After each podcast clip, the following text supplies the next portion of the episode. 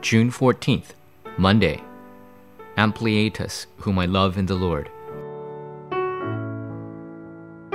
Romans chapter 16, verse 8.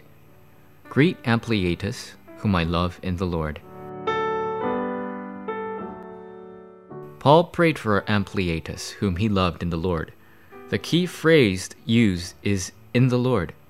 How did Ampliatus receive this blessing amidst the persecutions and false accusations of Judaism and the Roman government?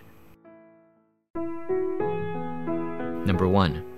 One who received God's love. A person who receives a great amount of God's love will be victorious no matter what.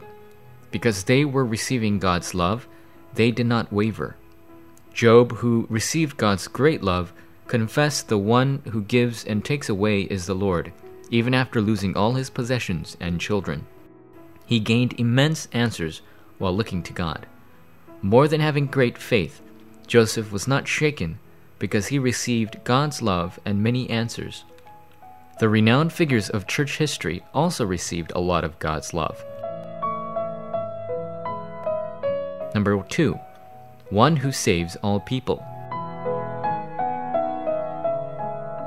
If you receive God's love, you will be someone who saves the dying people.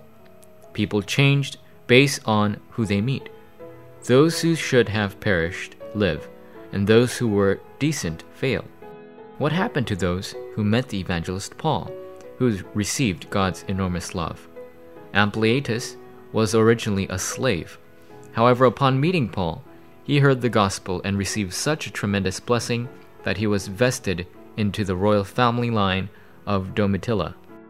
If you meet with one who receives God's love, regardless of who you are, you will receive God's blessing and survive. Number three, one who tasted the true gospel.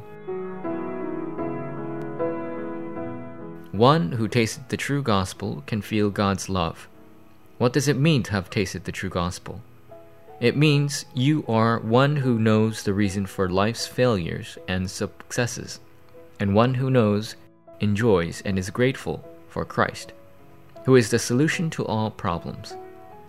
It is also someone who knows the mystery of God's kingdom and the power of the filling of the Holy Spirit and possesses the important evidence regarding this. Paul and Ampliatus, who both received God's love, are those who have the taste of the true gospel. Forum topic Someone who possesses the gospel is victorious in all circumstances and saves all those he or she meets.